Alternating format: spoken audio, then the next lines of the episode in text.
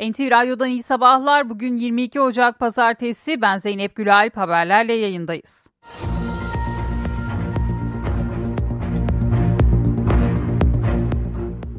Kar ve tipi Muş-Mutki karayolunda etkisini artırdı. Kaymakam Çeşmesi mevkiinde 22 araç yolda kaldı. Ekipler olumsuz hava şartlarıyla mücadele etti. 3 iş makinesiyle 4 saatlik çalışmanın ardından araçları bulundukları yerden çıkardı. Araçlardaki 69 kişi kurtarıldı.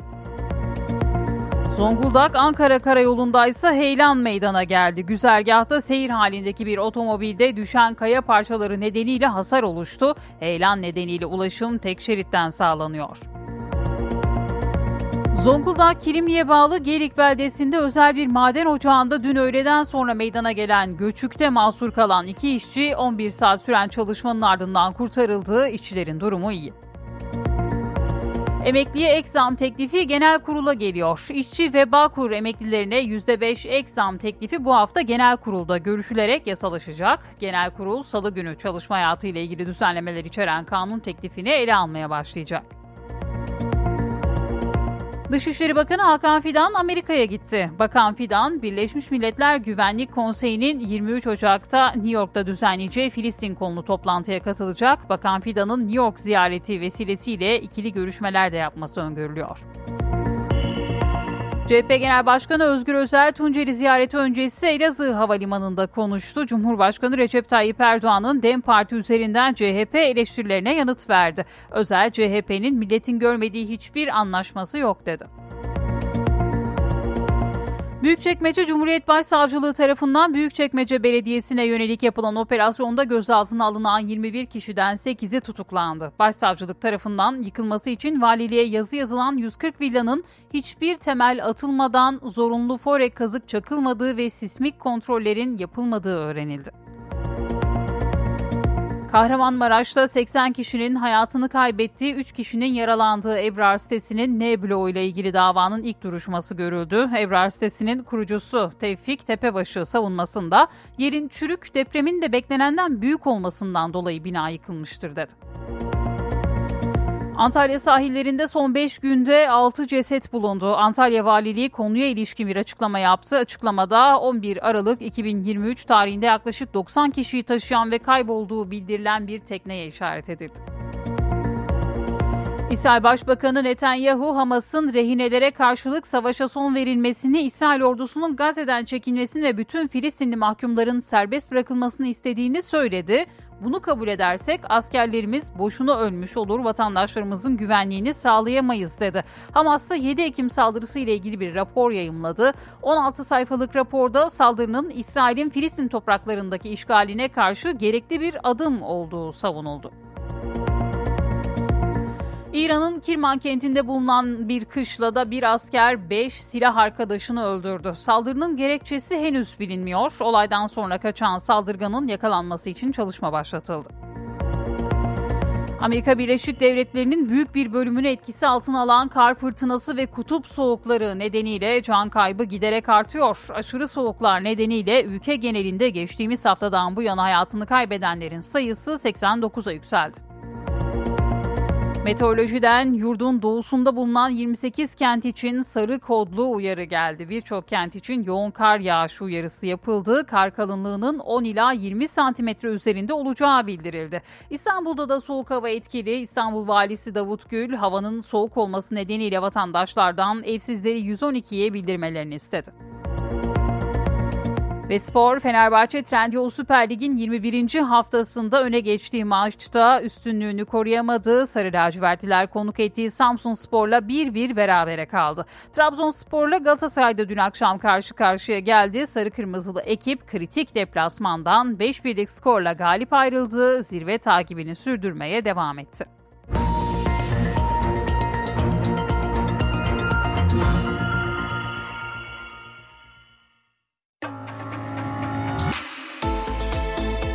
İşe giderken gazetelerin gündemi.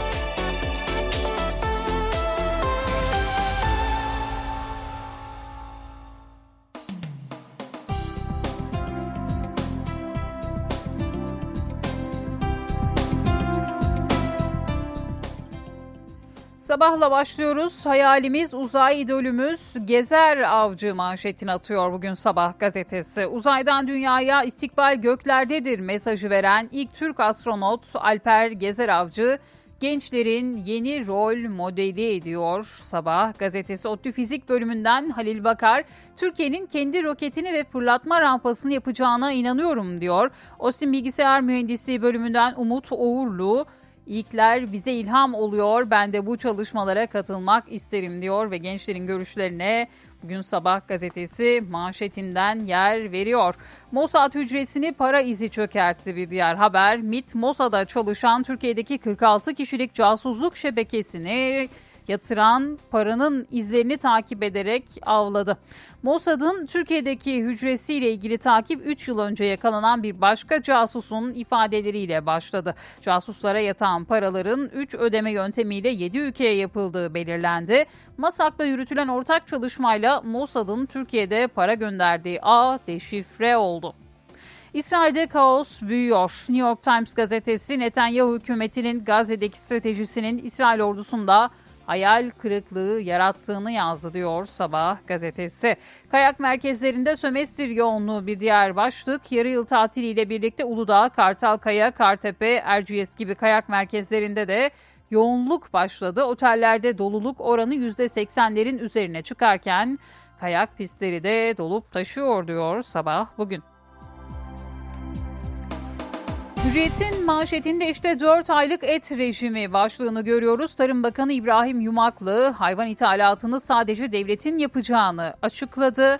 İthal edilen hayvanlar 4 ay boyunca satılamayacak böylece alsat yaparak fiyat yükseltilemeyecek dedi. Yine bir diğer haber Haniye ile e, Gazze'yi konuştu e, Hürriyet gazetesinden Dışişleri Bakanı Hakan Fidan, Hamas Siyasi Büro Başkanı İsmail Haniye ile görüştü. Ana gündem İsrail'in saldırılarıydı ve Gazze'deki son durumdu. Fidan'ın Haniye ile görüşmesinde Gazze'de ateşkesin bir an önce sağlanması konusu ele alındı. Gazze insani yardımların artırılması ve rehinelerin bırakılmasının da değerlendirildiği görüşmede kalıcı barış için iki devletli çözüm konuları gündeme geldi. Fidan ve Haniye en son 16 Ekim'de telefonda görüşmüştü diyor Hürriyet gazetesi. Antalya'daki sır cesetler bir diğer haber Antalya sahillerinde son 5 günde tam 6 ceset karaya vurdu.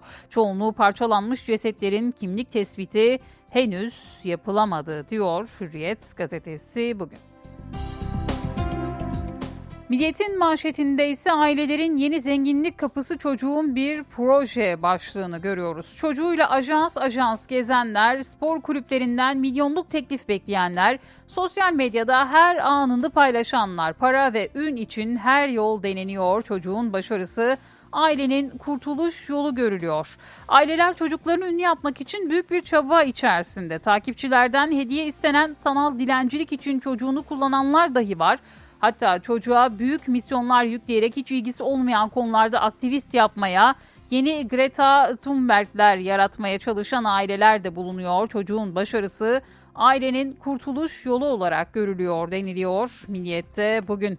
Dünyayla 7 kez bağlantı kuracak bir diğer başlık. Türkiye'nin ilk astronotu Alper Gezer Avcı uzay istasyonundaki görevi boyunca Türkiye ile en az 7 kez iletişime geçecek. İlk görüşmesini Cumhurbaşkanı Erdoğan'la yapması bekleniyor. Ailesi Sanayi ve Teknoloji Bakanı Mehmet Fatih Kacur'la da bir görüşmesi bulunan Gezer Avcı, Uzaydan Bakü, Konya, Ankara, İstanbul, Çanakkale'nin fotoğraflarını çekecek diyor. Milliyet gazetesi. Parkta oynayan çocuk daha güçlü bir diğer başlık. Yeni bir araştırmaya göre parklarda, yeşil alanlarda düzenli zaman geçiren çocukların kemik yoğunluğu çok daha yüksek. Çocukken sağlam kemiklere sahip olan kişilerin de ileride osteoporoza yakalanma riski düşük deniliyor. Milliyet gazetesinin ilk sayfasında bugün.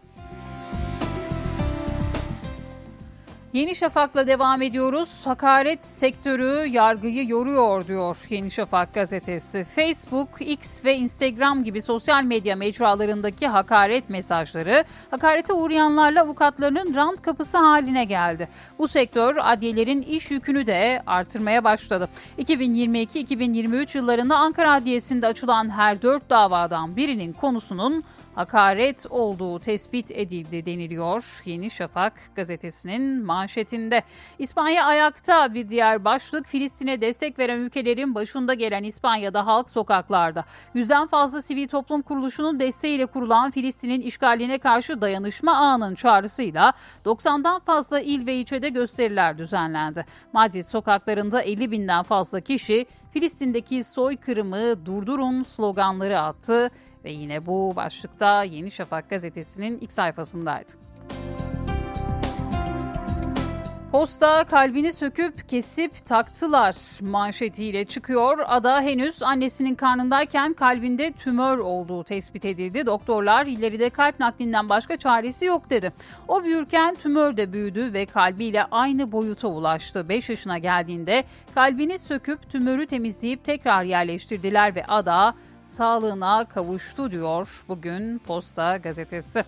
Lazer tutmanın cezası 91 bin lira bir diğer başlık. İstanbul-İzmir seferini yapan ve inişe geçen özel bir hava yolu uçağında önceki gün akşam e, kimliği belirsiz bir kişi tarafından lazer tutularak uçuş güvenliği tehlikeye atıldı. Sivil Havacılık Genel Müdürlüğü uçaklara lazer tutanlara 91.139 lira ceza kesildiğini duyurdu ve yine bu haberde postada yer buldu.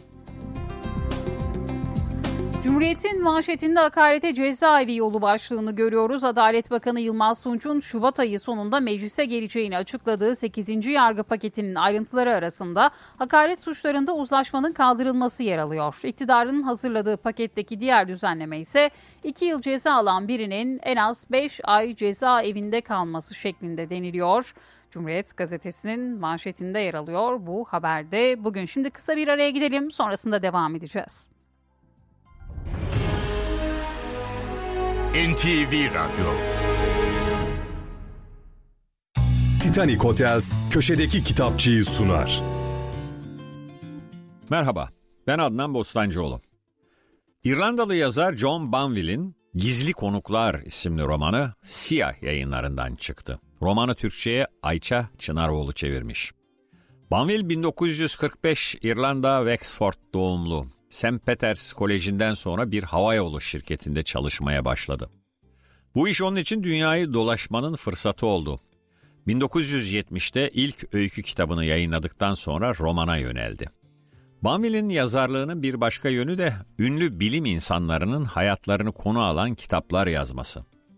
Bunlar birer biyografi olmanın ötesinde işin içine kurgunun da karıştığı kitaplar. Nitekim önce ünlü astronom Kopernik'in ardından da Kepler'in kurumaca portresiyle ödüller kazandı. 1988'den başlayarak 90'ların sonuna kadar Irish Times'ta edebiyat editörlüğü yapan John Banville, 2005 yılında Deniz isimli romanıyla Man Booker ödülünün sahibi oldu.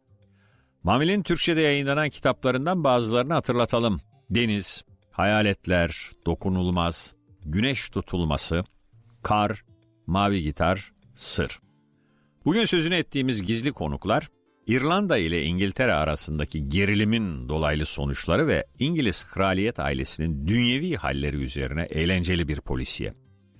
İkinci Dünya Savaşı'nın başları Alman bombardıman uçakları Londra'ya doğru sefer üstüne sefer yaparken, aileler çocuklarını güvende olsunlar diye ülkenin kuzeyine, kırsal bölgelere yollamaktadır. Kraliyet ailesi de kızları Elizabeth ve Margaret'i istihbarat teşkilatının da yardımıyla güvenli bölgeye göndermeye karar verir. Ancak bu güvenli bölge daha yakın zamanlarda kendilerinden bağımsızlığa kavuşmuş İrlanda'daki eski bir malikanedir.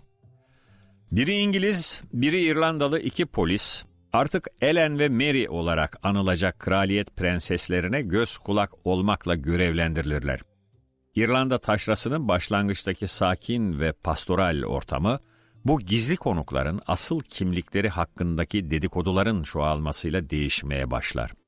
Hem kızların hem onları korumakla görevli olanların başta konulan kurallara uymamalarıyla birlikte basit gibi görünen görev önce bir yanlışlıklar komedyasına ardından da kanlı bir serüvene dönüşür.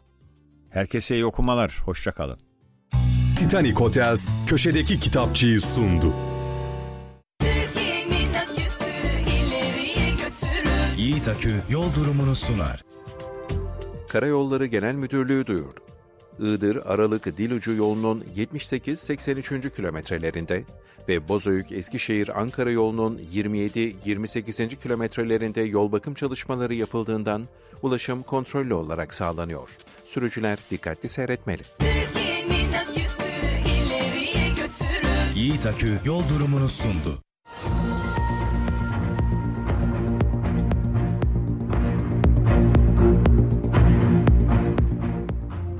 NTV Radyo'da haberleri aktarmayı sürdürüyoruz. Muş'ta kar ve tipi nedeniyle 22 araç yolda kaldı. Araçlarda mahsur kalan 69 kişi 4 saatte kurtarıldı. Kar ve tipi Muş, Mutki karayolunda etkisini artırdı. Kaymakam Çeşmesi mevkiinde 22 araç yolda kaldı. Hemen ekiplere haber verildi ancak olumsuz hava şartları nedeniyle bölgeye gitmek kolay olmadı. Ekipler 3 iş makinesiyle 4 saatlik çalışmanın ardından araçları bulundukları yerden çıkardı. Araçlardaki 69 kişi kurtarıldı. Zonguldak'ta ise heyelan nedeniyle yamaçtan kopan kayalar yola düştü. Seyir halindeki bir otomobilde hasar oluştu. Heyelan Zonguldak-Ankara karayolunda meydana geldi. Toprak kayması nedeniyle yola dev kaya parçaları düştü. Güzergahta seyir halindeki bir otomobilde düşen kayalar nedeniyle hasar oluştu. Polis ve jandarma ekipleri bölgede güvenlik önlemi aldı. Yolun tek şeridi ulaşıma kapatıldı. Bölgede araç kuyruğu oluştu. İstanbul Valisi Davut Gül'den soğuk hava nedeniyle bir paylaşım geldi. Vali Gül havanın soğuk olması nedeniyle vatandaşlardan evsizleri 112'ye bildirmelerini istedi. Davut Gül şu anda İstanbul'da hava sıcaklığı 5 derece bildiğiniz gibi sokakta kalan kişileri valiliğimizin koordinasyonunda uygun yerlere yerleştiriyoruz. Lütfen sokaklarda gördüğünüz evsizleri 112'ye bildiriniz paylaşımını yaptı. Geçelim Ankara'nın gündemine. Emekliye ek zam teklifi genel kurula geliyor. İşçi ve Bağkur emeklilerine %5 ek zam verilmesine ilişkin teklifin bu hafta genel kurulda görüşülerek yasalaşması bekleniyor. İşçi ve Bağkur emeklilerine %5 ek zam teklifi bu hafta genel kurulda görüşülerek yasalaşacak. Türkiye Büyük Millet Meclisi Genel Kurulu salı günü çalışma hayatı ile ilgili düzenlemeler içeren kanun teklifini ele almaya başlayacak. Teklifte %5 ek zamla birlikte işçi ve Bağkur emeklilerinin artış oranı %42,6'ya yükselecek. En düşük emekli aylığı da 10 bin lira olacak. Düzenlemenin yasalaşmasının ardından zam farkları hesaplara yatacak. Teklifte ayrıca işverene asgari ücret desteği 500 liradan 700 liraya çıkarılacak. Teklife göre kısa çalışma gerekçelerine genel salgın durumu da eklenecek. Sigortalının kısa çalışma ödeneğinden yararlanabilmesi için gereken asgari prim ödeme gün sayısı 600'den 407'ye indirilecek. CHP Genel Başkanı Özgür Özel, Tunceli ziyareti öncesi Elazığ Havalimanı'nda konuştu. Cumhurbaşkanı Erdoğan'ın DEM Parti üzerinden CHP eleştirilerine yanıt verdi. Özel, CHP'nin milletin görmediği hiçbir anlaşması yok dedi. Erdoğan, bizim kavgamız yoksullukla, açlıkla, insanların düştüğü durumladır. Türkiye'de büyük bir ekonomik kriz vardır ve sen başta emekliler olmak üzere emekçileri ve emeklileri büyük sıkıntı içinde bıraktın. Buradan Elazığ'dan sesleniyoruz. Erdoğan milletin derdi dem değil, milletin derdi zam, zam, zam. Tutturmuş bir dem dem dem. Cumhuriyet Halk Partisi ayrı bir parti. O söylediği dem partisi ayrı bir parti. Bize ziyarete geldiler. Dedik ki ne görüyorsanız burada. Açık açık gözünüzün önünde. CHP'nin milletin görmediği hiçbir anlaşması, hiçbir angajmanı, hiç kimseyle bir ilişkisi yok. Herkes gözler önünde. MHP 1 il ve 54 ilçe belediye başkan adayını daha açıkladı. MHP Düzce Belediye Başkanlığı'na Yılmaz Eseri aday gösterdi. Açıklamada Çanakkale'nin 10, Düzce'nin 5 ilçesi için de aday isimlerine yer verildi. MHP Edirne, Giresun, Isparta, Kırklareli, Uşak ve Yalova'nın ilçeleri için de adaylarını belirlemiş oldu. Son açıklamayla birlikte MHP'de açıklanan aday sayısı 385'e ulaştı. İstanbul Büyükşehir Belediye Başkan adayı Murat Kurum'un yerel seçim çalışmaları sürüyor. Kurum, Bahçeli Evler Huzur Evi'ni ziyaret etti. Büyükşehir Belediyesi olarak yaşlılarımıza İstanbul'un iki yakasında yaşam merkezi dediğimiz projelerimizi sunacağız dedi. Çok teşekkür ederim. Çok İstanbul Büyükşehir Belediye Başkan adayı Murat Kurum, Bahçeli Evler Sosyal Hizmetler Müdürlüğü'ne bağlı huzur evini ziyaret etti. Kurum, huzur evi sakinlerine karanfil verdi, isteklerini sordu. İstanbul'un iki yakasında yaşam merkezi dediğimiz projelerimizi sizlere sunacağız. Burada vakit geçireceksiniz. Bu tesislerde spor yapacaksınız, eğleneceksiniz, kitap okuyacaksınız, müzik dinleyeceksiniz, eğitimlere katılacaksınız. Hem maddi hem manevi her türlü desteği yaşlarımıza Büyükşehir Belediyesi olarak sunacağız. Huzur evi sakinlerinin çizdiği resimleri ve heykelleri inceleyen kuruma ziyaretinin ardından portre hediye edildi. NTV Radyo Büyükçekmece Belediyesi'nde görevli bazı personel hakkında yürütülen rüşvet soruşturması kapsamında 18 Ocak'ta belediye görevlilerinin rüşvet karşılığı usulsüz yapılara inşaat ruhsatı verdiği iddiası üzerine operasyon düzenlendi. 21 kişi gözaltına alındı. Adliyeye sevk edilen şüphelilerin 8'i tutuklandı, 13 kişi de adli kontrol şartıyla serbest bırakıldı. Tutuklananlar arasında inşaat firması sahibi Ali G ile belediye başkan yardımcısı Nuraydın Sakda bulunuyor. Soruşturma kapsamında yeni bilgiler de ortaya çıktı. Buna göre villaların hiçbir temel atılmadan yapıldığı, zorunlu olan fore kazıkların çakılmadığı, sismik kontrollerin yapılmadığı belirlendi. Usulsüz yapılan inşaate belediye personeli tarafından rüşvet karşılığında ruhsat verildiği de belirtildi. 6 Şubat depremlerinde Kahramanmaraş'ta 1400 kişinin hayatını kaybettiği Ebrar sitesiyle ilgili dava devam ediyor. Sitenin müteahhiti 81 yaşındaki Tevhid e, Tevfik Tepebaşı ilginç bir savunma yaptı. Zeminin çürük depreminde beklenenden büyük olmasından dolayı bina yıkılmıştır dedi. İnşaattan anlamam. İnşaatın yapımı ile ilgili uzaktan yakından ilgim olmamıştır. Yer çürüktü. Deprem de beklenenden büyüktü. 1400 kişinin hayatını kaybettiği Ebrar sitesinin müteahhiti kendisini bu sözlerle savundu. 6 Şubat depremlerinde en çok can kaybının yaşandığı yerlerden biri de Kahramanmaraş'taki Ebrar sitesiydi. 22 bloktan 18'i depremde yerle bir oldu. 1400 kişi hayatını kaybetti. Soruşturma kapsamında sitenin müteahhidi Tevfik Tepebaşı ve 80 kişinin öldüğü N blokun fenli mesulü Ahmet Özdemir tutuklandı. 5 sanık bilinçli taksirde ölüme ve yaralanmaya neden olma suçundan 22,5 yıl hapis sistemiyle yargılanıyor. Sitenin N bloku ile ilgili açılan davanın ilk duruşması görüldü. Fenli mesul Ahmet Özdemir suçlamaları kabul etmedi. Savunmasında %100 eksiksiz yapılmış olsa bile 1997 yılı yönetmenine göre yapılmış bu projenin birinci derecede depreme dayanması imkansızdır dedi. Ebrar sitesinin müteahhidi Tevfik Tepebaşı ise savunmasında inşaattan anlamadığını inşaatın yapımıyla alakası olmadığını öne sürdü. Tepebaşı, Kahramanmaraş'ta 6,5-7 şiddetinde bir deprem beklenirken 3 katı büyüklüğünde bir deprem olmuştur. Yerin çürük, depremin de beklenenden büyük olmasından dolayı bina yıkılmıştır dedi. Depremde hayatını kaybedenlerin yakınları tepe başına tepki gösterdi. Mahkeme heyeti tutuksuz sanıklardan Mustafa Timur Banga hakkında yakalama kararı çıkartılmasına karar verdi. Duruşma 3 Nisan'a ertelendi. Malatya'nın Kale ilçesinde dün 4 büyüklüğünde bir deprem oldu. Deprem saat 15.41'de oldu. AFAD depremin merkez üssünü Kale ilçesi olarak açıkladı. Sarsıntı 9,7 kilometre derinlikte gerçekleşti. Malatya valisi Ersin Yazıcı kendilerine ulaşan bir olumsuzluğun olmadığını açıkladı.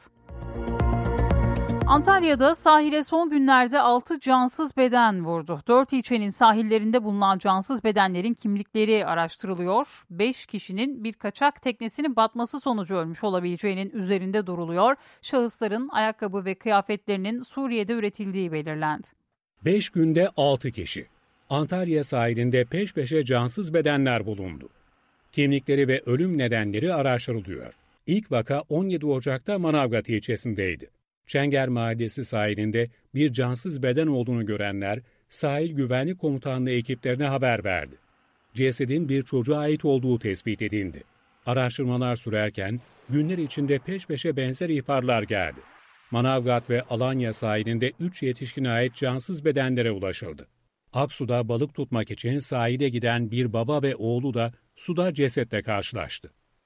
Balık at çek yapıyorduk biz burada. Oğlum bana orada koşarak seslendi. Baba dedi orada dedi bir tane dedi ceset var galiba dedi. Çağırdık arkadaşları. Serik'te de sahilde bir kadına ait cansız beden bulundu. Cesedin 13 gün önce kaybolan 18 yaşındaki Merve Şevval Elmas'a ait olma ihtimali üzerine ailesinden DNA örneği alındı. Diğer 5 kişinin ise bir kaçak teknesinin batması sonucu ölmüş olabileceği üzerinde duruluyor. NTV Radyo İsrail Başbakanı Netanyahu, Hamas'ın rehineleri serbest bırakmak için öne sürdüğü koşulları reddettiğini açıkladı. Netanyahu, Hamas'ın rehinelere karşı savaşa son verilmesini, İsrail ordusunun Gazze'den çekilmesini ve bütün Filistinli mahkumların serbest bırakılmasını istediğini söyledi. Bunu kabul edersek askerlerimiz boşuna ölmüş olur, vatandaşlarımızın güvenliğini sağlayamayız dedi. Hamas, Netanyahu'nun açıklamasından kısa süre önce İsrail'e yapılan 7 Ekim saldırısı ile ilgili bir rapor yayımladı. 16 sayfalık raporda saldırının İsrail'in Filistin topraklarındaki işgaline karşı gerekli bir adım olduğu savunuldu. Ancak raporda bazı hatalar meydana geldi ifadesi de yer aldı. Hamas bunu İsrail'in güvenlik sisteminin hızlı çökmesine ve sınırdaki kaosa bağladı. Sivillerin hedef alındığı durumlar varsa işgalci güçlerle çatışırken kazayla olmuştur denildi. İsrail Gazze saldırılarına yeniden hız verdi. 24 saat içinde 178 Filistinli öldürüldü. 7 Ekim'den bu yana ölenlerin sayısı 25 bini geçti. İsrail, Lübnan ve Suriye'de de saldırılar düzenliyor. İsrail Gazze'nin güneyine yönelik kara harekatına hız verdi. Kuzeye hava saldırıları yeniden başladı. Kıyı şeridi de denizden bombalanıyor. Gazze'de 24 saatte 178 Filistinlinin öldürüldüğü bildirildi. Savaşın en kanlı günlerinden biri olarak kayıtlara geçti. Toplam ölü sayısı 25 binin üzerinde. Cebariye'den Han Yunus'a kadar pek çok noktada İsrail askerleriyle Hamas arasında çatışma yaşanıyor. Hamas, Gazze'nin kuzeyinde de şiddetli çatışmalar meydana geldiğini duyurdu. Cebaliye aralıksız bombalanıyor. Çatışmalar nedeniyle 1 milyondan fazla Gazze'li güneye kaçtı. İsrail, 1 milyondan fazla sivilin sığındığı Refah'ta bir otomobile hava saldırısı düzenledi. Gazze kentinde de bir otomobil İsrail tarafından havadan vuruldu. Toplam 6 kişi öldürüldü. Lübnan'ın güneyinde de bir otomobile drone saldırısı yapıldı. İsrail'in sorumlu tutulduğu saldırıda iki Hizbullah üyesinin öldürüldüğü açıklandı. Sınıra 8 kilometre uzaklıktaki Kefre köyü yakınlarında gerçekleşen saldırıda 4 kişi de yaralandı. Hafta sonu Suriye'nin başkenti Şam'da da İran devrim muhafızlarını hedef alan saldırı düzenlenmişti. Suriye İnsan Hakları Gözlemevi saldırıda ölenlerin sayısını güncelledi. İsrail'in sorumlu tutulduğu saldırıda 12 kişinin öldüğü ifade edildi. İran, 3'ü lider kadrosundan 5 İran devrim muhafızının öldüğünü doğrulamıştı. Saldırıda 5 İranlının yanı sıra İranlılarla çalışan 4 Suriye, 2 Lübnan ve bir Irak vatandaşının öldüğü belirtildi. İsrail, Hamas'a ait tünellerden birinin görüntülerini paylaştı. Bir kilometre uzunluğundaki tünelin girişinin Han Yunus'ta bir Hamas üyesinin evinde bulunduğu belirtildi. Hamas'ın 20 rehineyi bu tünelde sakladığı ifade edildi. Videoda rehinelerin tutulduğu yerler gösterildi. Demir parmaklıklarla kapatılan 5 dar bölmede tuvaletler ve yataklar bulunuyor. Bir çocuğun duvara yaptığı çizimler de var. Askerlerin Hamas üyeleriyle çatışarak tünele girdiği, içeride rehinelere rastlanmadığı belirtildi. Almanya'da aşırı sağcıların göçmenleri ve asimile olmamış vatandaşı sınır dışı etme planına karşı devasa protesto gösterileri yapıldı. Münih'te, Berlin'de, Köln'de on binler sokaklara çıktı. Protestocular, naziler dışarı pankartları taşıdı. On binler sokaklara çıktı, naziler dışarı pankartları taşıdı. Hafta sonu ülke çapında aşırı sağa karşı protesto mitingleri yapıldı. Protestocular harekete geçiren göçmenlerin ve asimile olmamış Alman vatandaşlarının sınır dışı edilmesinin tartışıldığı toplantı oldu. Aşırı sağcıların toplantısına göçmen karşıtı Almanya için Alternatif Partisi'nin üyeleri de katılmıştı. Anketlerde oyunu artırdığı görülen AFD, toplantıya katıldığını ancak sınır dışı planına destek vermediğini açıkladı. Ancak böyle bir planın gündeme gelmesi bile ülke çapında infial yarattı. Siyasetçiler halkı hafta sonu 100 ayrı adreste aşırı sağa karşı sokağa çıkmaya çağırdı. Sadece siyasetçiler değil, kilise liderleri ve birincilik takımlarının yöneticileri de protesto gösterilerine destek verdi. Geçen haftaki gösteriye katılan Başbakan Olaf Scholz'un tavrı net. Scholz, göçmenleri ya da vatandaşları sınır dışı etme planı demokrasimize saldırıdır, hepimize saldırıdır dedi. Halkı birlik, beraberlik ve hoşgörü içinde demokratik Almanya'ya sahip çıkmaya çağırdı. Başbakanın çağrısı karşılık bulmuş görünüyor. Ülke çapında 207 bin kişinin protestolara katıldığı tahmin ediliyor. Yarı yıl tatili başladı. Peki bu dönemde veliler ve çocukları arasındaki ilişki nasıl olmalı? Karnesi başarısız olan öğrenci ailesi nasıl davranmalı? Eğitim ve kariyer uzmanı Nazik Kösegil ara tatil dönemini öğrencilerin nasıl geçirmesi gerektiğini anlat. Son ders zili çaldı ve öğrenciler için ara tatil başladı. Karnelerin bazılarında notlar iyi. Ancak notları kırık olan öğrenciler de var. Eğitim uzmanları başarısızlığın faturasını sadece öğrenciye çıkarmanın yanlış olduğu görüşünde. Öğrenci kendi başına başarısız değildir. Bunun içerisinde ailenin de etkisi vardır, okulun da etkisi vardır. Oturup bir karne değerlendirmesi yapılırken neleri doğru yaptık, neleri yanlış yaptık e, tartışması yapılması lazım. Bizde şöyle oluyor, sanki sadece öğrenciyle ilgiliymiş gibi bütün yükü öğrenciye veriyoruz. Dolayısıyla 15 tatil de öğrenci için dinlenme süresi değil de azap süresine dönüşüyor. E, bu olumsuz duyguyla ikinci döneme başlıyor ve ikinci dönemde birinci dönem gibi başarısızlıkla devam ediyor. Yapılacak olan etkinlikleri biraz daha kültürel etkinlikler düzeyinde tutup öğrenciye başarı kavramını tekrar bir e, anlatmak, tanıtmak gerekebilir. Uzmanlar başarılı öğrenciye verilen ödüller konusunda da ailelerin dengeli olmasını öneriyor. Öğrencinin başarısının biz sürekli olmasını istiyoruz. Dolayısıyla e, bir anda başarısını çok fazla ödüllendirmek ya da hiç önemsememek yani iki uçta da problem var. E, öğrenciyi eğitim hayatında daha psikolojik olarak geride tutacaktır. O yüzden başarıyı öğrencinin, ailenin ve okulun bir emeği olarak görmeli. Velilere ara tatilin çocukların aileleriyle zaman geçirmesi ve dinlenmesi için bir fırsat olduğu hatırlatılıyor. Ancak planlamanın sınıf ve yaşa göre ayrılması da öneriliyor. Uyku düzenini biraz rahat bırakmak bu anlamda e, birinci adım olacak. Çünkü birinci dönem çok yoğundu. Öğrenciler karanlıkta okula gittiler, geldiler. Ve ilkokul öğrencisini şu anda daha tatil, e, daha eğlenceli, daha e, hem dinlenebileceği hem keyif alabileceği verimli etkinliklere göre bir plan yapılmalı. 9. 10. sınıflar ve ortaokul 6. 7. grup öğrencileri biraz daha bu süreçte e, dinlenmeli, biraz nefes almalı. Sınava girecek olan öğrenciler için bu süreç bir tatil süreci maalesef olamayacak. Daha çok e, önceki aylarda yaptıkları derslerin tekrarı, eksikliklerin kontrolü, birinci dönemki çalışmanın eksikliğinin giderilmesiyle ilgili bir program yapılması lazım. Eğitim uzmanları aileleri çocuklar üzerinde ders çalışma stresi yaratmamaları için de uyarıyor. Sırada mucizevi bir kurtuluş hikayesi var. Şimdi 5 yaşında olan Ekin Ada Işık kalbinde tümörle doğdu. Hayati tehlikesi her geçen gün artıyordu. Küçük kız eşine az rastlanan bir yöntemle yapılan ameliyatla kalbindeki tümörden kurtuldu.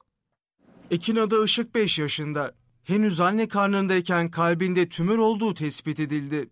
Anne Fahriye Karaca Işık'a bebeğin alınması dahi teklif edildi. Doğum gerçekleşti. Bebeğin sağlık durumu ciddiyetini koruyordu. Baktık ki o kalp içindeki tümör e, yaşı büyüdükçe, e, kalbin ebatları arttıkça o da büyümeye başladı. Bu tümörlerin bir kötü tarafı da ritim düzensizlikleri yaratmaları, ani ölüm riski yüksek olan vakalar. Profesör Doktor Aksfendios Kalangos, Ekin Ada'nın kalbinin çıkartılarak tümörün temizlenmesine karar verdi. Bu çok riskli bir operasyondu. Ancak başka çare yoktu.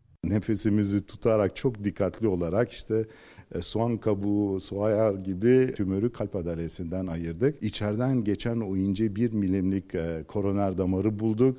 Dolayısıyla onu da çok e, titiz bir şekilde tümörden ayırdık. Ve tekrar tabii o onarılmış kalbi tekrar yerine taktık. Anne Fahriye Karaca ve baba Mustafa Işık ameliyat sonrası yaşadıklarını paylaştı. Hastanede anne karnında çocuğun hayatını sonlandırıp e, bana doğum yaptırmaktan bahsedilirken e, öyle birisiyle karşılaşıyorsunuz ki çocuğunuzu sizin elinize veriyor, e, daha sonra sağlığına kavuşturuyor ve e, onunla bir ömür geçirebileceğinizi size gösteriyor. Hocamız bizi ameliyathanenin kapısına çağırdı. E, ameliyathanenin kapısında e, ellerini bize böyle e, açınca bütün dünyalar bizim oldu. Ekinada sağlığına kavuştu. En büyük hayali veteriner olmak. Daha önce iki tane yoğun bakımda yatmıştım ve çok uzun bir şeyler geçmişti, günler geçmişti. Korkmuyorum çünkü artık büyüdüm. Veteriner olmak istiyorum çünkü ben şeyleri çok seviyorum, hayvanları çok seviyorum. 24 yaşındaki Nazlı Bülbül ödediği taksi ücretlerinin fazla olmasından şikayet ederek çıktığı serüvende taksi şoförü oldu. İstanbul Arnavutköy'de direksiyon başına geçen kadın 8 aydır bu mesleği yapıyor. Taksi ücretleri fazla geldi, taksi şoförü olmaya karar verdim. 24 yaşındaki genç kadın İstanbul sokaklarında artık direksiyon başında. İstanbul Arnavutköy'de yaşayan Nazlı Bülbül, yaptığı yolculuklarda harcadığı fazla ücretler nedeniyle taksi şoförü oldu. Bülbül birkaç ay ücretsiz bir şekilde taksi durağında çalışarak işi öğrendi. Daha önce özel sektörde çalıştım. Bu gidiş gelişlerde arada bir taksi kullanıyordum. Ve taksi ödedim. Paralar bayağı oldukça fazlaydı. Artık kazandığım para oraya gittiğini fark ettim. Nazlı Bülbül başta kadın olduğu için meslekte zorluklarla karşılaşsa da şimdilerde herkesin desteğini aldığını söylüyor. E, yaklaşık 8 ay e, kimse bana araba vermedi. Ben kadınım diye e, ve yapamayacağımı düşünen birçok insan var. Ama tabii bunlar beni yıldırmıyor. Özellikle buradaki halk çok e, takdir ediyor beni. Hava sıcaklığının pek düşmemesi ve yağışların az olması balıkçıları üzdü.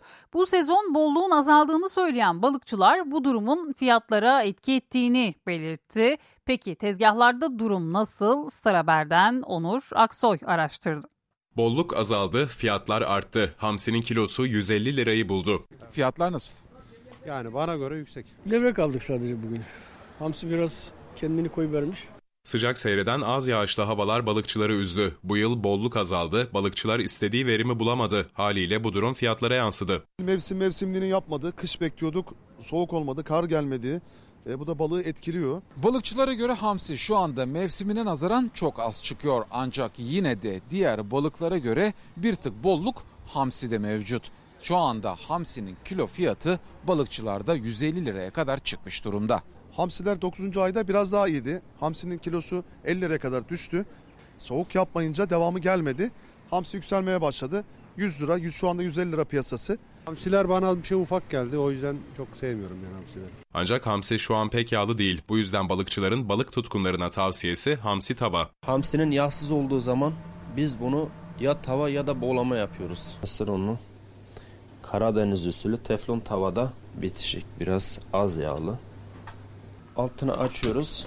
Tava az bir şey ısındıktan sonra çok az bir şey yağ dökeceğiz. Şöyle. Altı pişti şu anda. Hamsini çevirme şeyi geldi. Evet. Çıtır çıtır hamsi. Karadeniz hamsi abi. Hamsinin yanı sıra balık tezgahlarında şu an rağbet gören diğer iki balık mezgit ve istavrit. İstavrit aynı parası gibi 150 lira 200 lira arası o bandında değişiyor. Mezgit kış balığıdır. Soğuğu seven bir balıktır. Balıklar küçük. Fiyatları da biraz yüksek. Şu anda bugün mezgitin kilosu 250 lira. Peki balık fiyatlarında seyir nasıl devam edecek? Şu andan sonra kar da yağsa pek bolluk olacağı beklenemez. Çünkü artık mevsime yaklaşıyoruz. Dördüncü aya geldiğimiz zaman balık yasağı var. Balıkçıların önümüzdeki dönem için bolluk beklentileri azaldı ancak tek bir balık için hala umutları devam ediyor. O balığın adı da çinekop. Yani şu anda bir hafiften bir soğuk, bir sulu kar yaparsa çinekop belki olabilir. Çinekop bekliyoruz.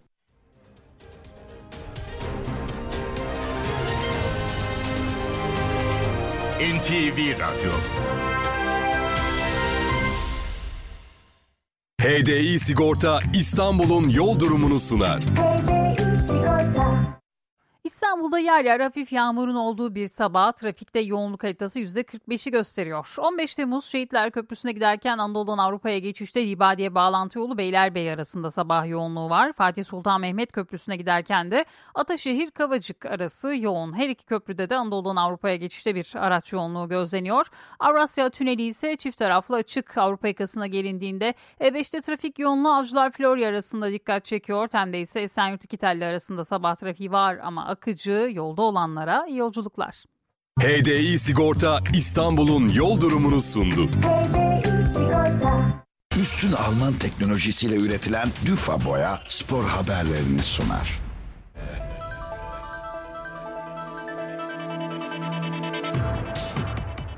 Lider Fenerbahçe'nin puan kaybettiği Trendyol Süper Lig'in 21. haftasında Galatasaray fırsat tepmedi. Sarı Kırmızılar konuk olduğu Trabzonspor'u 5-1 mağlup etti. Galatasaray'da maça Santrafor'da başlayan Wilfred Zaha 13. ve 61. dakikalarda ağları sarstı. 64. dakikada Kaan Ayhan skoru 3-0'a taşıdı. 79. dakikada Trabzonspor'da Enis Destan'la farkı 2'ye indirdi. 80. ve 90. dakikalarda ise Kerem Aktürkoğlu attığı gollerle farkı 4'e çıkarttı ve maçın skorunu tayin etti. Trendyol Süper Lig'de averaj farkıyla Fenerbahçe'nin ardından ikinci sırada yer alan Galatasaray, sıradaki maçında Perşembe günü İstanbul Spor'u konuk edecek. Trabzonspor'da aynı gün Çaykur Rizespor deplasmanına çıkacak. Trendyol Süper Lig'de 21. hafta maçları oynanıyor. Sonuçlar ve günün programı şöyle. Kasımpaşa 3, Hatay Spor 0, Karagümrük 1, Başakşehir 1, Alanya Spor 2, Rize Spor 1, Pendik Spor 4, Beşiktaş 0, Adana Demirspor 1, Ankara Gücü 1, Sivas Spor 2, Gaziantep 2, Konya Spor 1, Antalya Spor 1, Fenerbahçe 1, Samsun Spor 1 ve Trabzonspor 1, Galatasaray 5. Hafta bugün oynanacak tek maçla tamamlanacak. Saat 20'de Kayseri Spor İstanbul Spor'u ağırlayacak. Liverpool Premier Lig'in 21. haftasında liderliğini perçinledi. Jurgen Klopp'un ekibi konuk olduğu Bournemouth'u 4-0 yendi. Merseyside ekibine galibiyeti ikişer kez ağları sarsan Darwin Nunes ve Diogo Jota getirdi. Ligin ikinci sırasında ise 43 puanla bir maçı eksik Manchester City yer alıyor. Liverpool ligdeki sıradaki maçında çarşamba günü Chelsea ile karşı karşıya gelecek. Alperen Şengün kariyerinin en iyi sezonunda yeni bir rekor kırdı. Milli basketbolcu Utah karşısında 37 sayı attı. NBA'de Houston, Utah'ı uzatmaya giden maçta 127-126 mağlup etti. Alperen Şengün 37 sayı, 14 rebound, 6 asist, birer blok ve top çalmayla oynadı. Houston bu galibiyetle 3 maç aradan sonra kazandı. Milli basketbolcunun yer aldığı NBA All-Star oylaması da devam ediyor. Alperen Şengün ilk 5'e girme mücadelesi verdiği Batı Konferansı'nda 6. sırada yer alıyor. İstanbul'da düzenlenen atletizm milli takım seçmelerinin ikinci gününde iki yeni Türkiye rekoru kırıldı. Seçmelerin ikinci ve son gününde Sıla Koloğlu 200 metrede 23 yaş altı Türkiye rekorunu kırdı. 200 metrede 23.94 koşan Sıla Koloğlu 24.08'de Mizgin Ay'a ait olan Türkiye rekorunun yeni sahibi oldu. Günün ikinci rekoru da Ali Tunç'tan geldi. Ali Tunç, salonda 3000 metre 20 yaş altı Türkiye rekorunu kırdı. 3000 metreyi 8.04.15 koşan Ali, 8.07.43 ile devrim kazana ait rekoru geliştirdi. Dayanıklı, kolay sürülen, kapatıcılığı yüksek Düfa Boya spor haberlerini sundu. Saat 8 Türkiye ve Dünya gündeminde bu saate kadar öne çıkan başlıklara bir haber turuyla bakalım.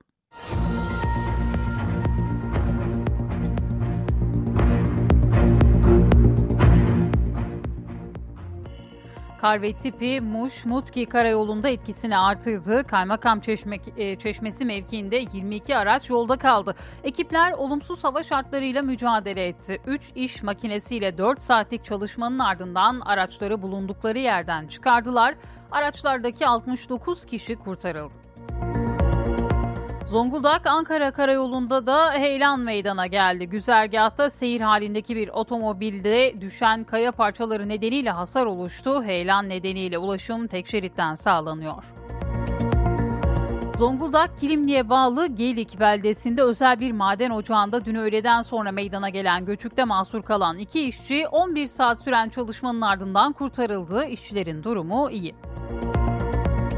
Emekliye ek zam teklifi genel kurula geliyor. İşçi ve Bağkur emeklilerine %5 ek zam teklifi bu hafta genel kurulda görüşülerek yasalaşacak. Genel kurul salı günü çalışma hayatı ile ilgili düzenlemeler içeren kanun teklifini ele almaya başlayacak. Dışişleri Bakanı Hakan Fidan Amerika'ya gitti. Bakan Fidan, Birleşmiş Milletler Güvenlik Konseyi'nin 23 Ocak'ta New York'ta düzenleyeceği Filistin konulu toplantıya katılacak. Bakan Fidan'ın New York ziyareti vesilesiyle ikili görüşmeler de yapması öngörülüyor. CHP Genel Başkanı Özgür Özel, Tunceli ziyareti öncesi Elazığ Havalimanı'nda konuştu. Cumhurbaşkanı Recep Tayyip Erdoğan'ın DEM Parti üzerinden CHP eleştirilerine yanıt verdi. Özel, CHP'nin milletin görmediği hiçbir anlaşması yok dedi. Büyükçekmece Cumhuriyet Başsavcılığı tarafından Büyükçekmece Belediyesi'ne yönelik yapılan operasyonda gözaltına alınan 21 kişiden 8'i tutuklandı. Başsavcılık tarafından yıkılması için valiliğe yazı yazılan 140 villanın hiçbir temel atılmadan zorunlu fore kazık çakılmadığı ve sismik kontrollerin yapılmadığı öğrenildi. Kahramanmaraş'ta 80 kişinin hayatını kaybettiği 3 kişinin yaralandığı Ebrar sitesinin Neblo ile ilgili davanın ilk duruşması görüldü. Ebrar sitesinin kurucusu Tevfik Tepebaşı savunmasında yerin çürük depremin de beklenenden büyük olmasından dolayı bina yıkılmıştır dedi. Antalya sahillerinde son 5 günde 6 ceset bulundu. Antalya Valiliği konuya ilişkin bir açıklama yaptı. Açıklamada 11 Aralık 2023 tarihinde yaklaşık 90 kişiyi taşıyan ve kaybolduğu bildirilen bir tekneye işaret edildi. İsrail Başbakanı Benjamin Netanyahu, Hamas'ın rehinelere karşılık savaşa son verilmesini, İsrail ordusunun Gazze'den çekilmesini ve bütün Filistinli mahkumların serbest bırakılmasını istediğini söyledi. Bunu kabul edersek askerlerimiz boşuna ölmüş olur, vatandaşlarımızın güvenliğini sağlayamayız dedi. Hamas ise 7 Ekim saldırısı ile ilgili bir rapor yayımladı. 16 sayfalık raporda saldırının İsrail'in Filistin topraklarındaki işgaline karşı gerekli bir adım olduğu savunuldu. İran'ın Kirman kentinde bulunan bir kışlada bir asker 5 silah arkadaşını öldürdü. Saldırının gerekçesi henüz bilinmiyor. Olaydan sonra kaçan saldırganın yakalanması içinse çalışma başlatıldı.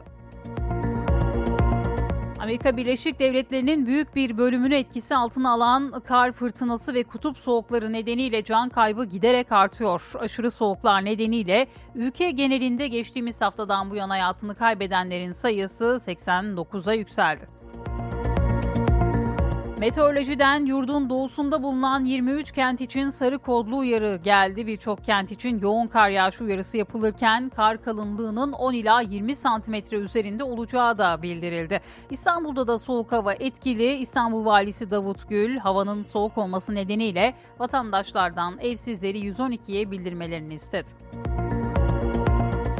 Ve spor Fenerbahçe Trendyol Süper Lig'in 21. haftasında öne geçtiği maçta üstünlüğünü koruyamadı. Sarı lacivertliler konuk ettiği Samsun Spor'la 1-1 berabere kaldı. Trabzonspor'la Galatasaray'da dün akşam karşı karşıya geldi. Sarı kırmızılı ekip kritik deplasmanda 5-1'lik skorla galip ayrıldı ve zirve takibini sürdürmeye devam etti.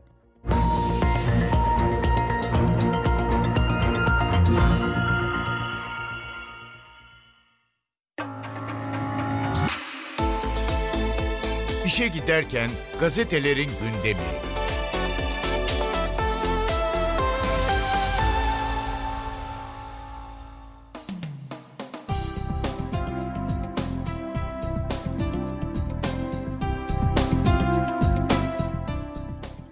Sabahla başlıyoruz. Hayalimiz uzay, idolümüz Gezer Avcı manşetini atıyor bugün Sabah gazetesi. Uzaydan dünyaya istikbal göklerdedir mesajı veren ilk Türk astronot Alper Gezer Avcı gençlerin yeni rol modeli oldu. ODTÜ Fizik bölümünden Halil Bakar, Türkiye'nin kendi roketini ve fırlatma rampasını yapacağına inanıyorum dedi. Austin Bilgisayar Mühendisliğinden Umut Oğurlu, İlkler bize ilham oluyor. Ben de bu çalışmalara katılmak isterim dedi ve Gençlerin bu görüşleri de Sabah gazetesinin manşetinde yer buldu bugün. Mossad hücresini para izi çökertti. Bir diğer başlık MIT Mossad'a çalışan Türkiye'deki 46 kişilik casusluk şebekesini yatırılan paranın izlerini takip ederek avladı. Mossad'ın Türkiye'deki hücreleriyle ilgili takip 3 yıl önce yakalanan bir başka casusun ifadeleriyle başladı. Casuslara yatan paraların 3 ödeme yöntemiyle 7 ülkeye yapıldığı belirlendi. Masak'la yürütülen ortak çalışmayla Mossad'ın Türkiye'de para gönderdiği ağ deşifre oldu. İsrail'de kaos büyüyor diyor Sabah gazetesi bugün. New York Times gazetesi Netanyahu hükümetinin Gazze'deki stratejisinin İsrail ordusunda hayal kırıklığı yarattığını yazdı ve yine bu başlıkta bugün Sabah gazetesinde yer aldı. Kayak merkezlerinde sömestr yoğunluğu bir diğer başlık. Yarı yıl tatiliyle birlikte Uludağ, Kartalkaya, Kartepe, Erciyes gibi kayak merkezlerinde de yoğunluk başladı. Otellerde doluluk oranı %80'lerin üzerine çıkarken kayak pistleri de dolup taşıyor deniliyor sabahta bugün. Hürriyet'in manşeti işte 4 aylık et rejimi. Tarım Bakanı İbrahim Yumaklı hayvan ithalatını sadece devletin yapacağını açıkladı. İthal edilen hayvanlar 4 ay boyunca satılamayacak böylece al sat yaparak fiyat yükseltilemeyecek diye konuştu Bakan Yumaklı. Bir diğer başlıkla devam edelim. Haniye ile Gazze'yi konuştu diyor Hürriyet gazetesi. Dışişleri Bakanı Hakan Fidan, Hamas Siyasi Büro Başkanı İsmail Haniye ile görüştü. Ana gündem İsrail'in saldırılarıydı ve Gazze'deki son durumdu. Fidan'ın Haniye ile görüşmesinde Gazze'de ateşkesin bir an önce sağlanması konusu ele alındı. Gazze insani yardımların artırılması ve rehinelerin bırakılmasının da değerlendirildiği görüşmede kalıcı barış için iki devletli çözüm konuları gündeme geldi. Fidan ve Haniye en son 16 Ekim'de telefonla görüşmüştü diyor Hürriyet gazetesi. Antalya'daki sır cesetler bir diğer başlık. Antalya sahillerinde son 5 günde tam 6 ceset karaya vurdu. Çoğunluğu parçalanmış cesetlerin kimlik tespiti henüz yapılamadı. Son olarak bir erkeğin cansız bedeni Aksu'da bulundu. Serik'te karaya vuran genç kız cesedinin de Antalya'da 13, önce, 13 gün önce kaybolan Merve Şevval Elmas'a ait olma ihtimali üzerine ailesinden DNA örneği alındı. Valilik cesedin cesetlerin Lübnan Kıbrıs arasında batan göçmen taşıyan tekneden olduğunun sanıldığını açıkladı diyor. Bugün Hürriyet gazetesi. Fercion'un malına mülküne el koyulduğu bir diğer başlık Ferhat Günay kurduğu Fercio House adlı oluşumla cinsel içerikli yayın yapıp fantezi partileri düzenliyordu. Gözaltına alınan iç mimar Ferhat Günay, ikizi Serhat Günay ve SGC'ye ait ev, arsa ve banka hesaplarına el koyuldu. El koyulan mülkün toplam değeri 85 milyon lira deniliyor. Bugün yine bu haberde Hürriyet'in ilk sayfasında yer buluyor. Milliyet gazetesi ailelerin yeni zenginlik kapısı çocuğun bir proje manşetini atıyor bugün. Çocuğuyla ajans ajans gezenler, spor kulüplerinden milyonluk teklif bekleyenler, sosyal medyada her anını paylaşanlar. Para ve ün için her yol deneniyor. Çocuğun başarısı ailenin kurtuluş yolu görülüyor. Aileler çocuklarını ünlü yapmak için büyük bir çaba içerisinde. Takipçilerden hediye istenen sanal dilencilik için çocuğunu kullananlar dahi var. Hatta çocuğa büyük misyonlar yükleyerek hiç ilgisi olmayan konularda aktivist yapmaya, yeni Greta Thunberg'ler yaratmaya çalışan aileler de bulunuyor. Çocuğun başarısı ailenin kurtuluş yolu olarak görülüyor. Psikologlar yetenekli olsalar bile çocukların başarıyı kaldırmasının güç olduğuna dikkat çekerek çocuğun başarısı ailenin başarısı haline geliyor. Çocuğun popüler olmasının getirdiği maddi geliri kendilerine katkı, çıkış olarak görüyorlar diyor. Hukukçularsa çocukların yetişkin olduklarında ailelerine dava açabilme hakkı olduğunu kaydediyor diyor. Bugün Milliyet gazetesi bu konuyu manşetine taşıyor. Dünya ile 7 kez bağlantı kuracak bir diğer başlık Türkiye'nin ilk astronotu Alper Gezer Avcı uzay istasyonundaki görevi boyunca Türkiye ile en az 7 kez iletişime geçecek. İlk görüşmesini Cumhurbaşkanı Erdoğan'la yapması bekleniyor. Ailesi Sanayi ve Teknoloji Bakanı Mehmet Fatih e, Kacır'la da bir görüşmesi bulunan Gezer Avcı uzaydan Bakü, Konya, Ankara, İstanbul, Çanakkale'nin fotoğraflarını çekecek diyor Milliyet gazetesi. Parkta oynayan çocuk daha güçlü bir diğer başlık. Yeni bir araştırmaya göre parklarda yeşil alanlarda düzenli zaman geçiren çocukların kemik yoğunluğu çok daha yüksek. Çocukken sağlam kemiklere sahip olan kişilerin de ileride osteoporoza yakalanma riski düşük deniliyor Milliyet gazetesinde. Dünkü maçlarda bugün Milliyet'in ilk sayfasında 1-5 e, Trabzon'a Aslan Pençesi ve Fener'e Samsun Freni 1-1 başlığı altında veriliyor haberler. Futbol resitali yaşanan dev maçta Galatasaray deplasmanda Trabzonspor'a gol yağdırdı. 1-5 Sarı Kırmızılılara zaferi getiren golleri Zaha, Kerem Aktürkoğlu ve Kaan Ayhan kaydetti. 54 puana yükselen Aslan Fenerbahçe'yi yakalayarak yeniden zirvenin ortağı oldu. Fenerbahçe Kadıköy'de ağırladığı Samsun Spor'la 1-1 berabere kaldı. Evinde 3. kez puan kaybı yaşayan Sarı Lacivertliler puanını 54 yaptı diyor bugün Milliyet gazetesi. Yeni Şafak'ın manşeti hakaret sektörü yargıyı yoruyor. Facebook, X ve Instagram gibi sosyal medya mecralarındaki hakaret mesajları hakarete uğrayanlarla avukatlarının rant kapısı haline geldi. Bu sektör adliyelerin iş yükünü de artırmaya başladı. 2022-2023 yıllarında Ankara Adliyesi'nde açılan her dört davadan birinin konusunun hakaret olduğu tespit edildi deniliyor Yeni Şafak'ın manşetinde.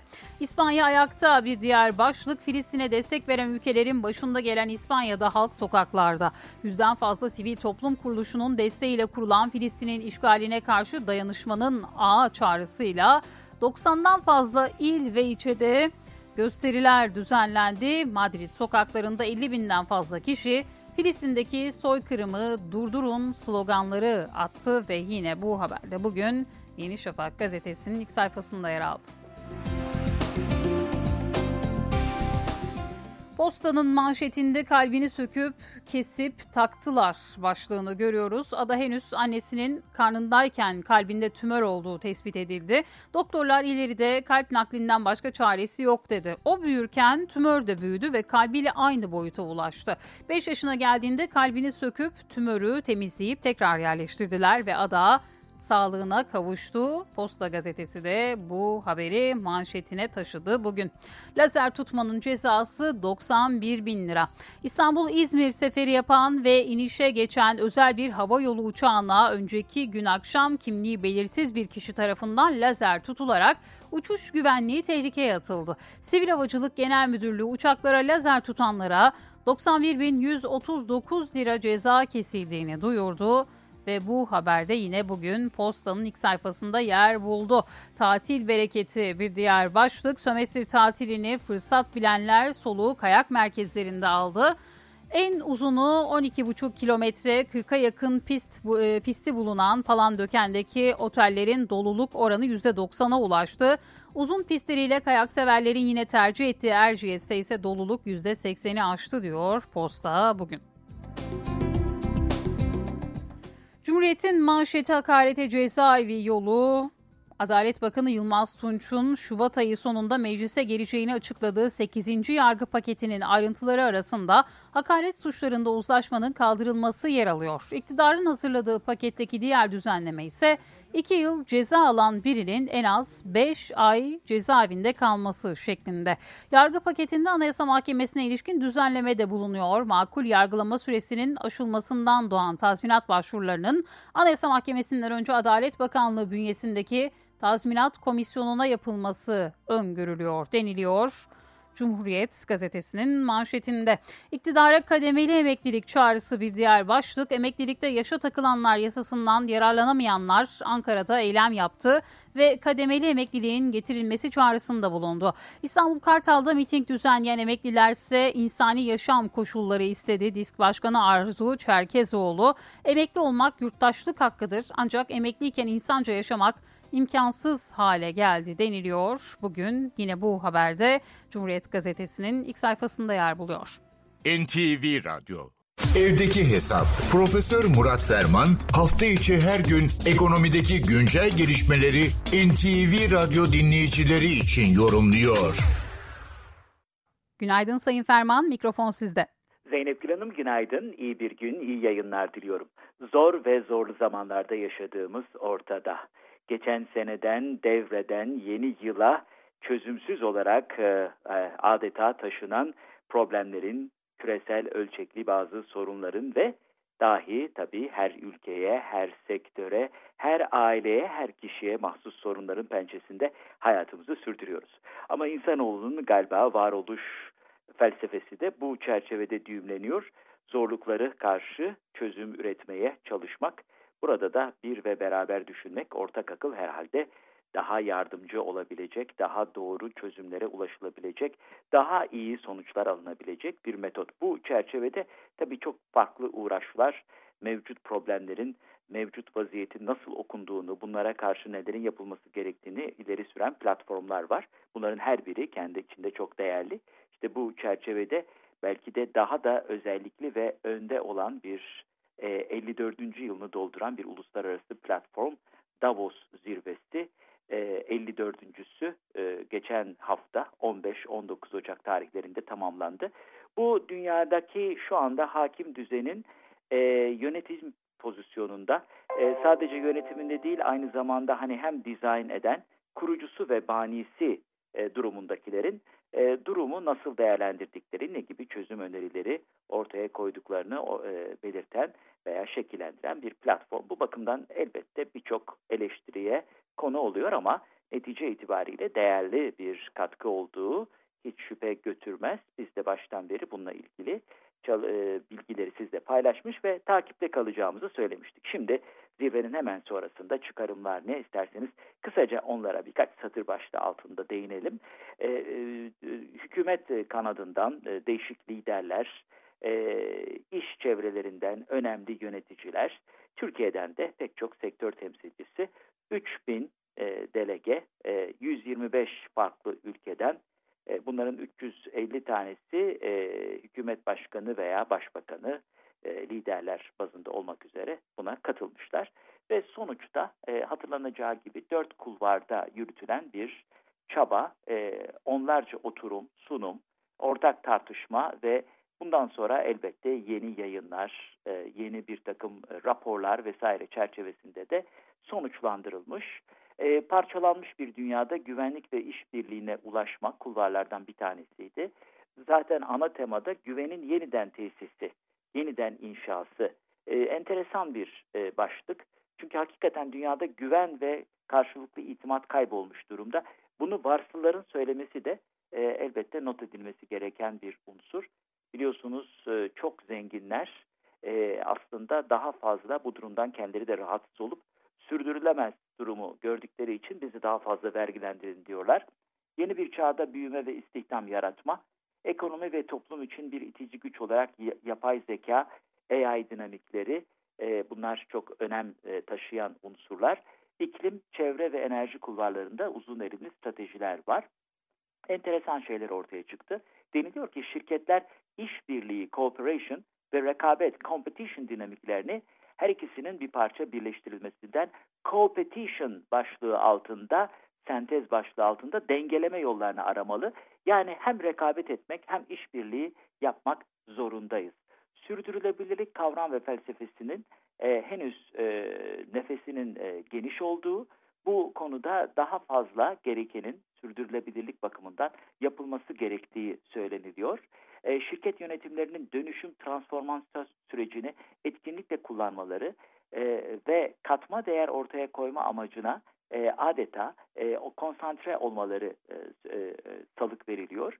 Yüksek kar ve karlılık baskısı altında bile çeşitlilik, diversity faktörünün e, ıskalanmaması gerektiğinden söyleniliyor. Üretken yapay zeka, generative AI deniliyor teknolojisi henüz yolun başında e, çok büyük potansiyeli var. E, buna da e, her bakımdan eğinilmeli. Belki de önümüzdeki dönem bu e, kulvar çerçevesinde şekillenilecek deniliyor. Son olarak da hız ve hızlı davranmak kavramları. Şimdi hemen harekete geçmek durumundayız mesajı ön plana çıkıyor. Evet 54. Davos zirvesinden e, bizim e, okuduğumuz mesajlar böyle. E, bundan sonra tabii birçok e, alt toplantı, rapor vesaire olacak. Onları da gerektiği ve gereken zamanda sizlerle paylaşacağız. Bu genel bilgi paylaşımı çerçevesinde değerli dinleyenlerimize katma değeri yüksek ve yüksek katma değerli bir gün diliyor. Huzurlarınızdan hürmetlerle ayrılıyorum. Profesör Murat Ferman'la evdeki hesap sona erdi. Kaçırdığınız bölümleri www.ntvradio.com.tr adresinden dinleyebilirsiniz. Dünya markası Bras çatı sistemleri finans bültenini sunar. Thank you.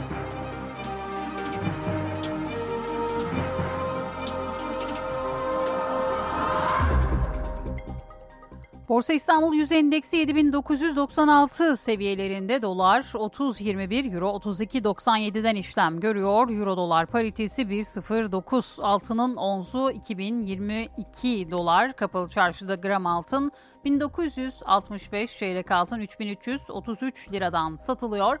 Brent petrolün varil fiyatı ise 78 dolar. Dünya markası Bras çatı sistemleri finans bültenini sundu. NTV Radyo Benzersiz duvarlar artık hayal değil. Sandeko Boya hava durumunu sunar. Yeni hafta ülke genelinde soğuk başlıyor. Yağışlar doğu kesimlerde etkili olacak. İstanbul ve Bursa'da rüzgar şiddetli ve soğuk. Yarın rüzgar hafifliyor ve güneş görülecek. Ankara ve İzmir'de ise bugün hava açıyor ancak ayaz var. İstanbul 7, Ankara 3, İzmir 11, Bursa 7, Antalya bulutlu 19 derece olacak bugün. Eşsiz boya, eşsiz mekanlar. Sandeko Boya hava durumunu sundu.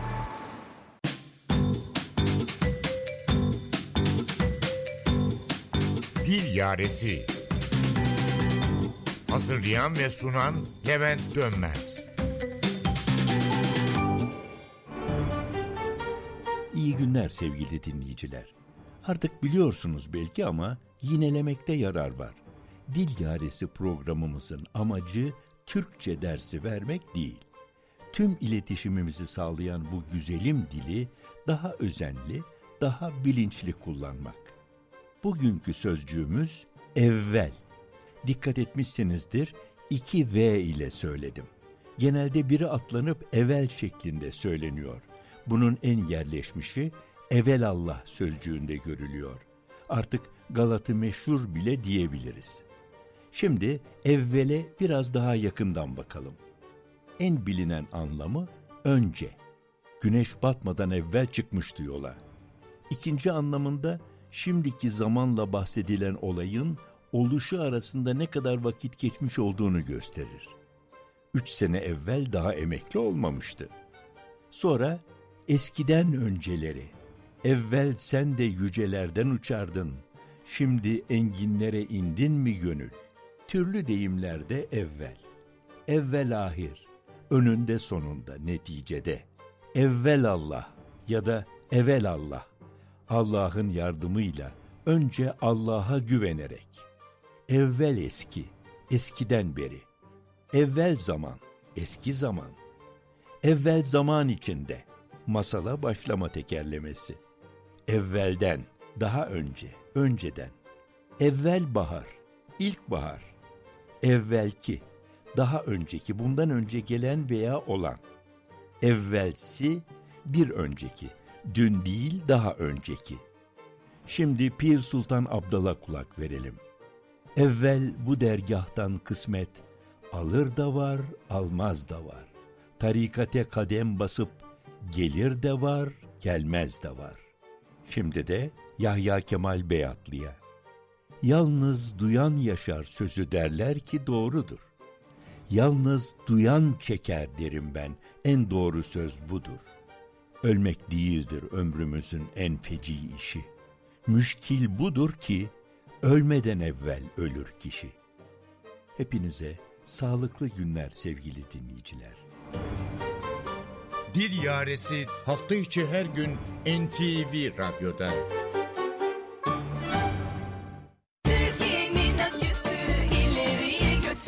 Yiğit Akü yol durumunu sunar. Karayolları Genel Müdürlüğü duyurdu. Çanakkale Çan yolunun 15-18. kilometrelerinde ve Ordu Gölköy yolunun 19. kilometresinde yol bakım çalışmaları yapıldığından ulaşım bölünmüş yolun bir bölümünden çift yönlü sağlanıyor. Sürücüler dikkatli seyretmeli. Yiğit Akü yol durumunu sundu.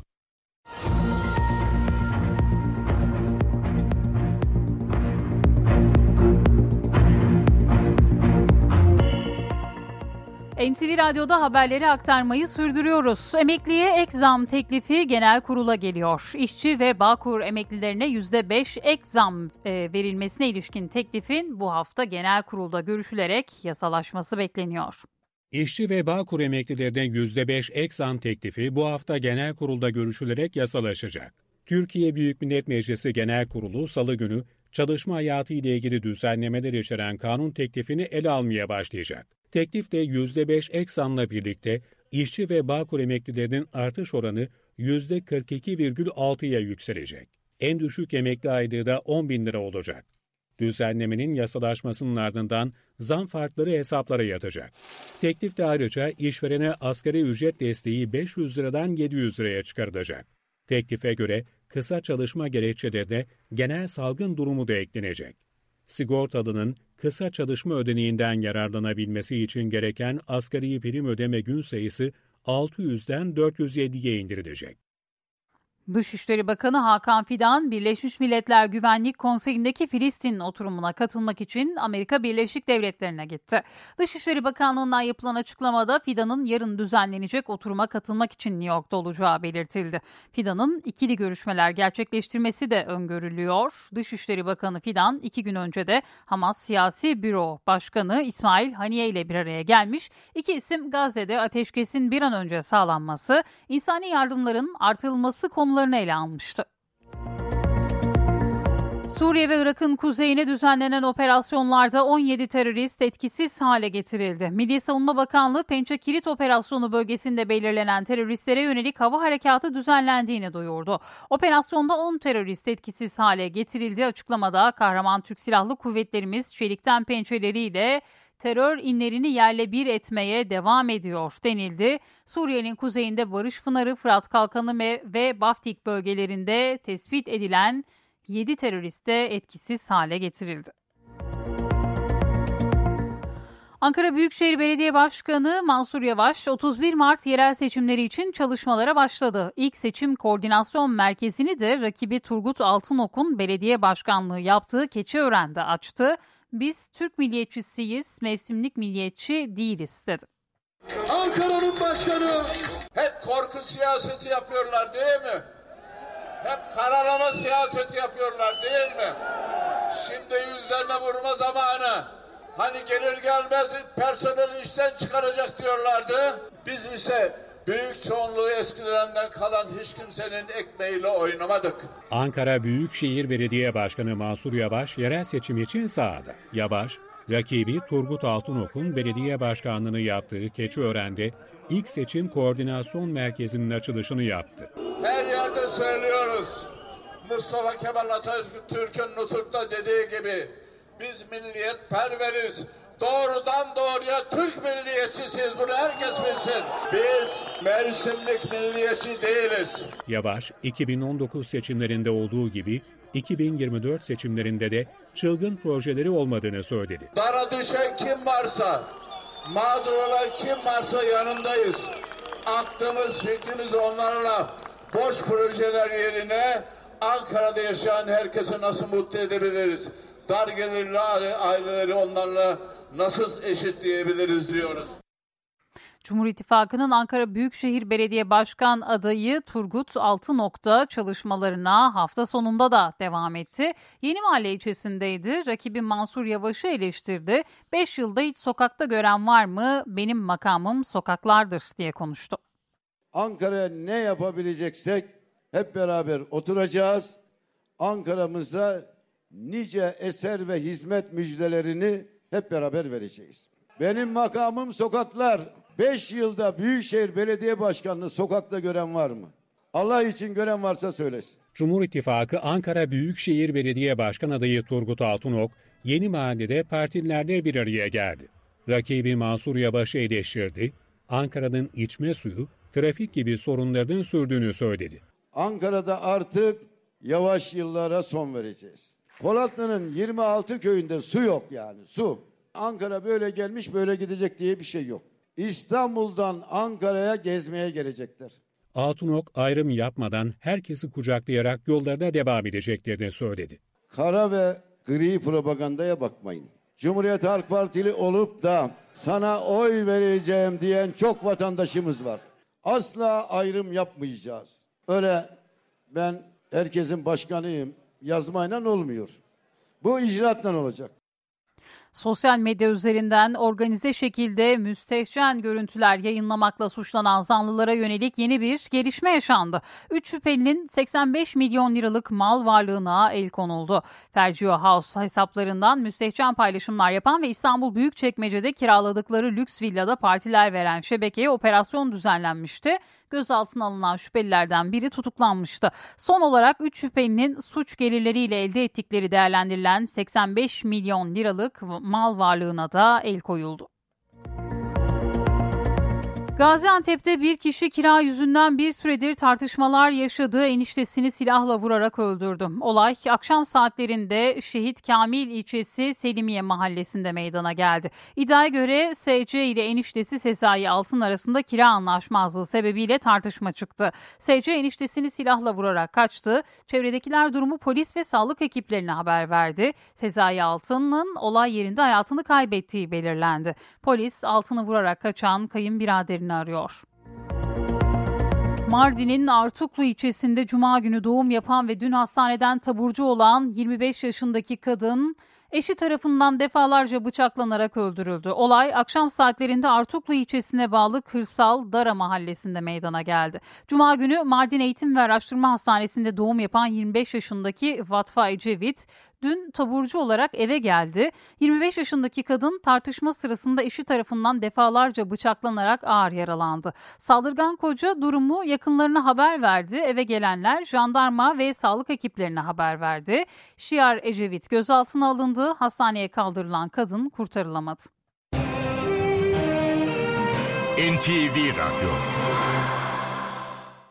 İsrail Başbakanı Netanyahu, Hamas'ın rehineleri serbest bırakmak için öne sürdüğü koşulları reddettiğini açıkladı. Netanyahu, Hamas'ın rehinelere karşılık savaşa son verilmesini, İsrail ordusunun Gazze'den çekilmesini ve bütün Filistinli mahkumların serbest bırakılmasını istediğini söyledi. Bunu kabul edersek askerlerimiz boşuna ölmüş olur, vatandaşlarımızın güvenliğini sağlayamayız dedi. Hamas'ta Netanyahu'nun açıklamasından kısa bir süre önce İsrail'e yapılan 7 Ekim saldırısıyla ilgili bir rapor yayımladı. 16 sayfalık raporda saldırının İsrail'in Filistin topraklarındaki işgaline karşı gerekli bir adım olduğu savunuldu. Ancak raporda bazı hatalar meydana geldi ifadesi de yer aldı. Hamas bunu İsrail'in güvenlik sisteminin hızlı çökmesine ve sınırdaki kaosa bağladığı sivillerin hedef alındığı durumlar varsa işgalci güçlerle çatışırken kazayla olmuştur denildi. Endonezya bataklık alana kurulu başkentini taşıyor. 10 milyondan fazla kişinin yaşadığı başkent Jakarta, Bo e, Borneo adasına taşınacak. Taşınma çalışmalarında sona doğru yaklaşıldı. Çarpık kentleşme, trafik sorunu ve doğal afetler. Dünyanın en kalabalık dördüncü ülkesi bu sebeplerden dolayı başkentini taşıyor. Endonezya'nın başkentinin Java adasındaki Jakarta'dan Borneo adasındaki Nusantara şehrine taşınması çalışmalarında sona doğru yaklaşıldı. Nusantara sadece elektrikli araçlara mahsus çevre dostu şehir olarak tasarlanıyor. Nusantara eğer planlandığı gibi kurulursa Güneydoğu Asya'daki ilk yeşil başkent olarak da tarihe geçecek. Yeni başkent ülkenin en az doğal afet görülen adalarından Kalimantan'ın doğusunda 561 kilometre karelik bir alana inşa ediliyor. Şimdiki başkent Jakarta'nın nüfusu kısa zamanda olağanüstü bir hızla arttı. 664 kilometre karelik kara parçasında 10 milyonun üzerinde kişinin yaşamasının yanı sıra sağlam altyapıdan yoksun şehirleşme, trafik, hava kirliliği ve şehre yılın belirli aralıklarında düşen muson yağışlarının sellere dönüşmesi de sorunlara yol açtı. Ülkenin merkezi kabul edilen Java Adası'nın kalkınmadan ve yatırımlardan diğer adalara kıyasla daha fazla pay almış olmasının yol açtığı gelir adaletsizliği de bu tarihi kararın sebepleri arasında. Hükümet yeni cazibe merkezini Java'nın dışına inşa ederek adalar ve etnik gruplar arası gelir adaletsizliğini de dengelemeyi hedefliyor. Yeni başkentin inşasından sonra Jakarta'nın ekonomik cazibesini kaybetmesi ise beklenmiyor. Jakarta'daki uluslararası şirketler ve kuruluşlar buradaki faaliyetlerini büyük oranda sürdürecek. Bu yüzden Jakarta'nın altyapı sorunlarının çözülmesi için de uzun vadeli planlar yapılmasının önemine dikkat çekiliyor. Başkenti taşıma projesinin yaklaşık 32 milyar dolara mal olması bekleniyor.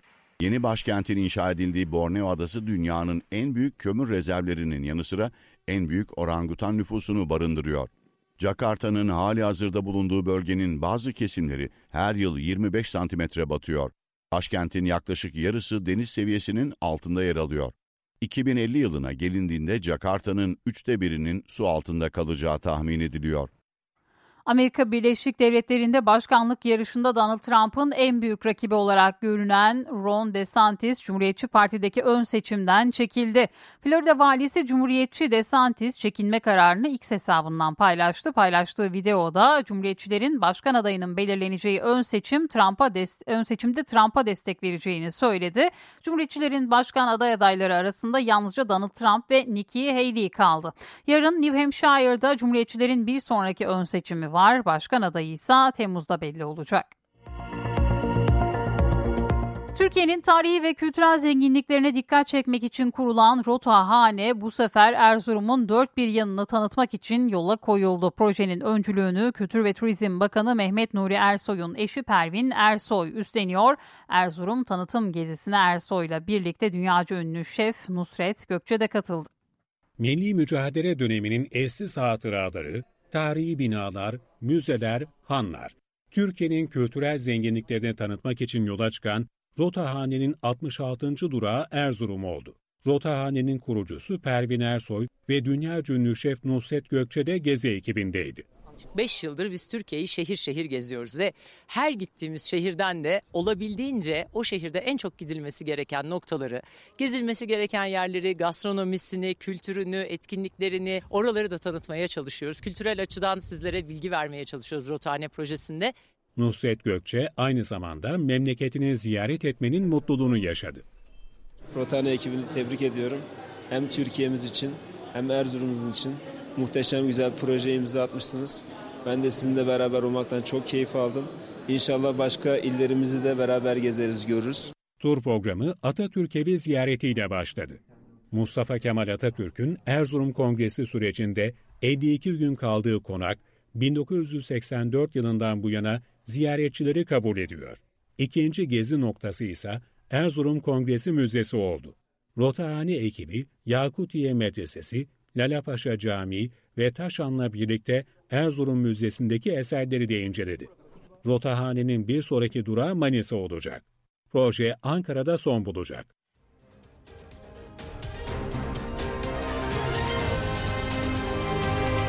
NTV Radyo HDI Sigorta İstanbul'un yol durumunu sunar. HDI Sigorta İstanbul'da trafikte yoğunluk haritası %58'i gösteriyor. 15 Temmuz Şehitler Köprüsü'ne giderken Anadolu'dan Avrupa'ya geçti. Çamlıca Beylerbeyi arasında sabah yoğunluğu var. Fatih Sultan Mehmet Köprüsü'ne giderken de Çakmak Köprü Kavacık arası yoğun. Her iki köprüde de Anadolu'dan Avrupa'ya geçişte bir araç yoğunluğu gözleniyor. Avrasya Tüneli ise çift taraflı açık. Avrupa yakasına gelindiğinde E5'te trafik yoğunluğu Avcılar Merter arasında dikkat çekiyor. Tem'de ise Firuzköy Altınşehir arasında sabah trafiği var. Yolda olanlara iyi yolculuklar. HDI Sigorta İstanbul'un yol durumunu sundu.